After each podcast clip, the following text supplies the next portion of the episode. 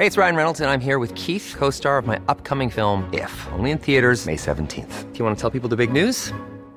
All right, I'll do. Sign up now and you'll get unlimited for $15 a month in six months of Paramount Plus Essential Plan on us. Mintmobile.com slash switch.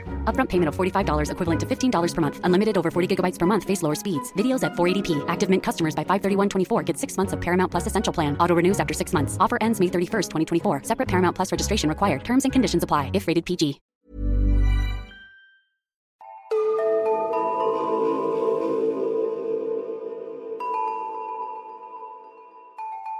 Hej och välkomna till Nära ögat, en true crime-podd för mesar. Mitt namn är Alexandra Kansdottir.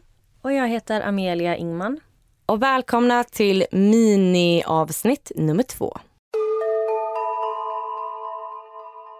Ja, välkomna till mitt första miniavsnitt och det kommer handla om Hanna Sabata. Detta är ett fall som jag snubblade över på TikTok och jag hade jättegärna gjort ett vanligt avsnitt om detta men det finns så himla lite fakta. Eller jag hittar i alla fall inte tillräckligt mycket fakta för att eh, fylla ett vanligt avsnitt. Så det passar perfekt som mitt första mini. Och mina källor är ett eh, Youtube-klipp av Fact Fiction, en artikel av The Polk County News och en artikel från CBS News. Det är den 27 november 2012 i Nebraska, USA. Den då 19 år gamla Hanna Sabata beslutar sig för att råna den lokala banken Cornerstone Bank Waco. Hanna stjäl en bil och kör till banken. Hon går in med uppdragen luva, munskydd och handskar på sig. Hon går fram till den ena banktjänstekvinnan och berättar att hon har ett vapen och att det är ett rån. Hon tvingar kvinnan att räcka över kontanter. Hanna lyckas genomföra bankrånet hon lämnar lokalen med 6 000 dollar och kör från platsen i den stulna bilen.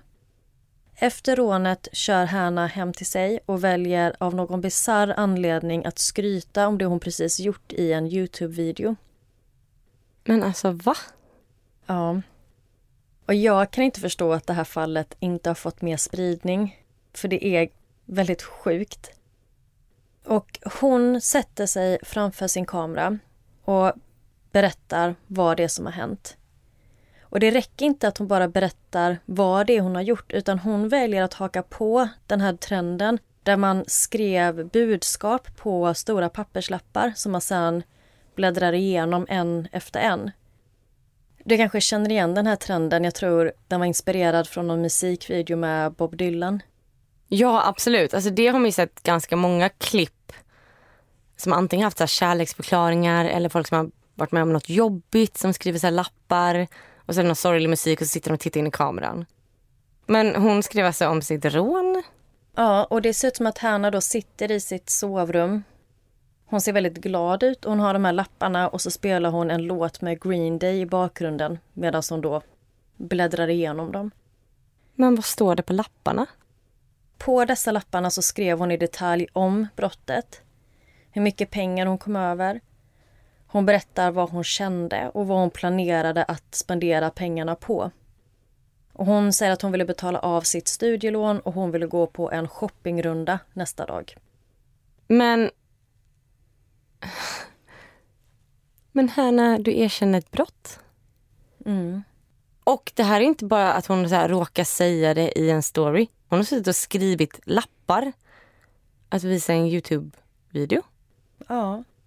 Och inte bara det, utan under videon så sitter hon och skrattar, hon ler och hon plockar även fram en riktigt tjock bunt med sedlar som hon sitter och fläktar sig själv med och eh, hon håller upp bilnycklarna till den stulna bilen framför kameran och säger att hon har en sprillans ny bil. Men varför? Ja, så hon erkänner ju då allt i den här videon. Och hon beskriver bankrånet som den bästa dagen i sitt liv. Motivet till bankrånet är inte helt solklart. Men i videon så säger Hanna att hon är ett offer för regeringen och att hennes bebis har tagits ifrån henne men att hon fortfarande kan hitta ett nytt syfte. Och här kunde jag inte hitta så mycket detaljer men Vissa källor menar att hon har blivit fråntagen sin bebis.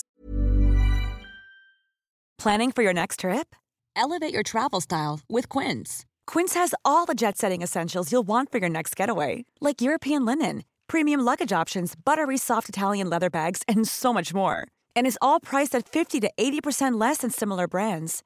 Plus, Quince only works with factories that use safe and ethical manufacturing practices.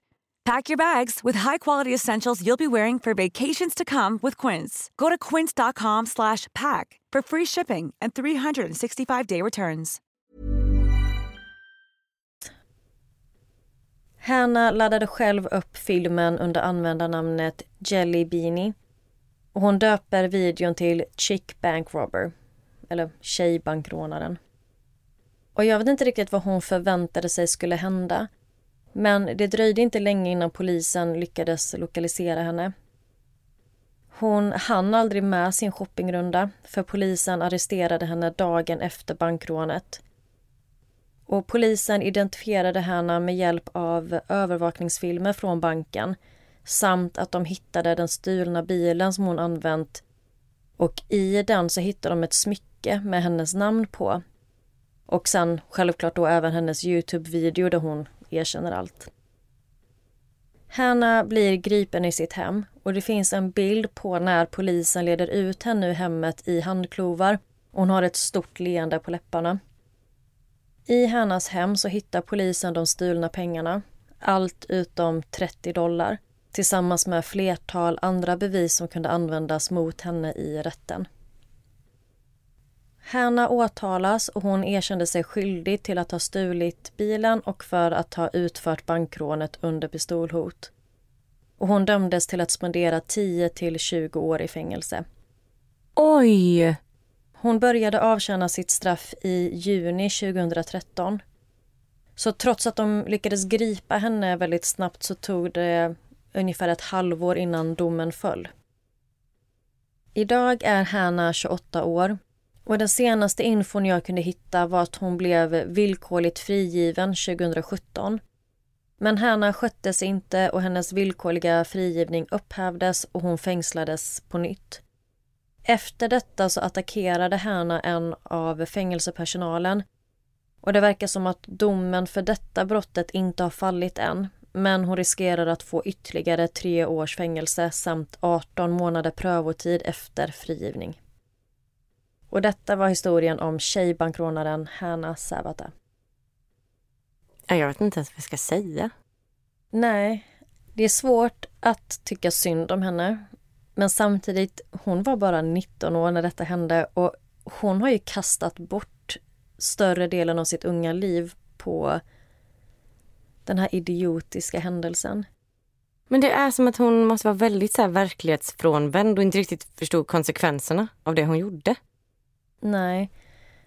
Och det är ju ett fruktansvärt trauma det som hon utsatte bankpersonalen för. Jag menar att bli rånad under pistolhot är ju... Fruktansvärt. Ja. Men man undrar ju vad det var som drev henne till att göra detta. Alltså var det likes, var det views eller visste hon att hon skulle göra videon? Var det därför hon rånade banken?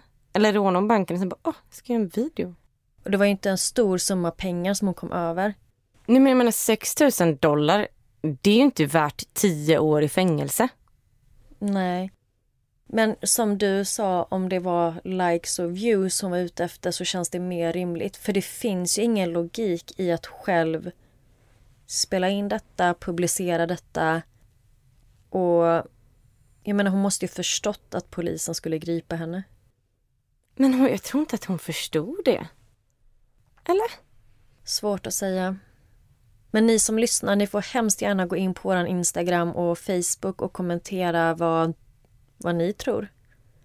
Och jag kommer lägga ut lite bilder med dels från när hon blir gripen men också stillbilder från Youtube-klippet. Finns Youtube-klippet kvar? Jag ska se om jag kan hitta det och lägga ut en snutt. Och ni hittar oss under namnet Nära ögat podd både på Instagram och Facebook. Hoppas ni har en bra sommar. Vi hörs snart. Puss puss. Puss hej!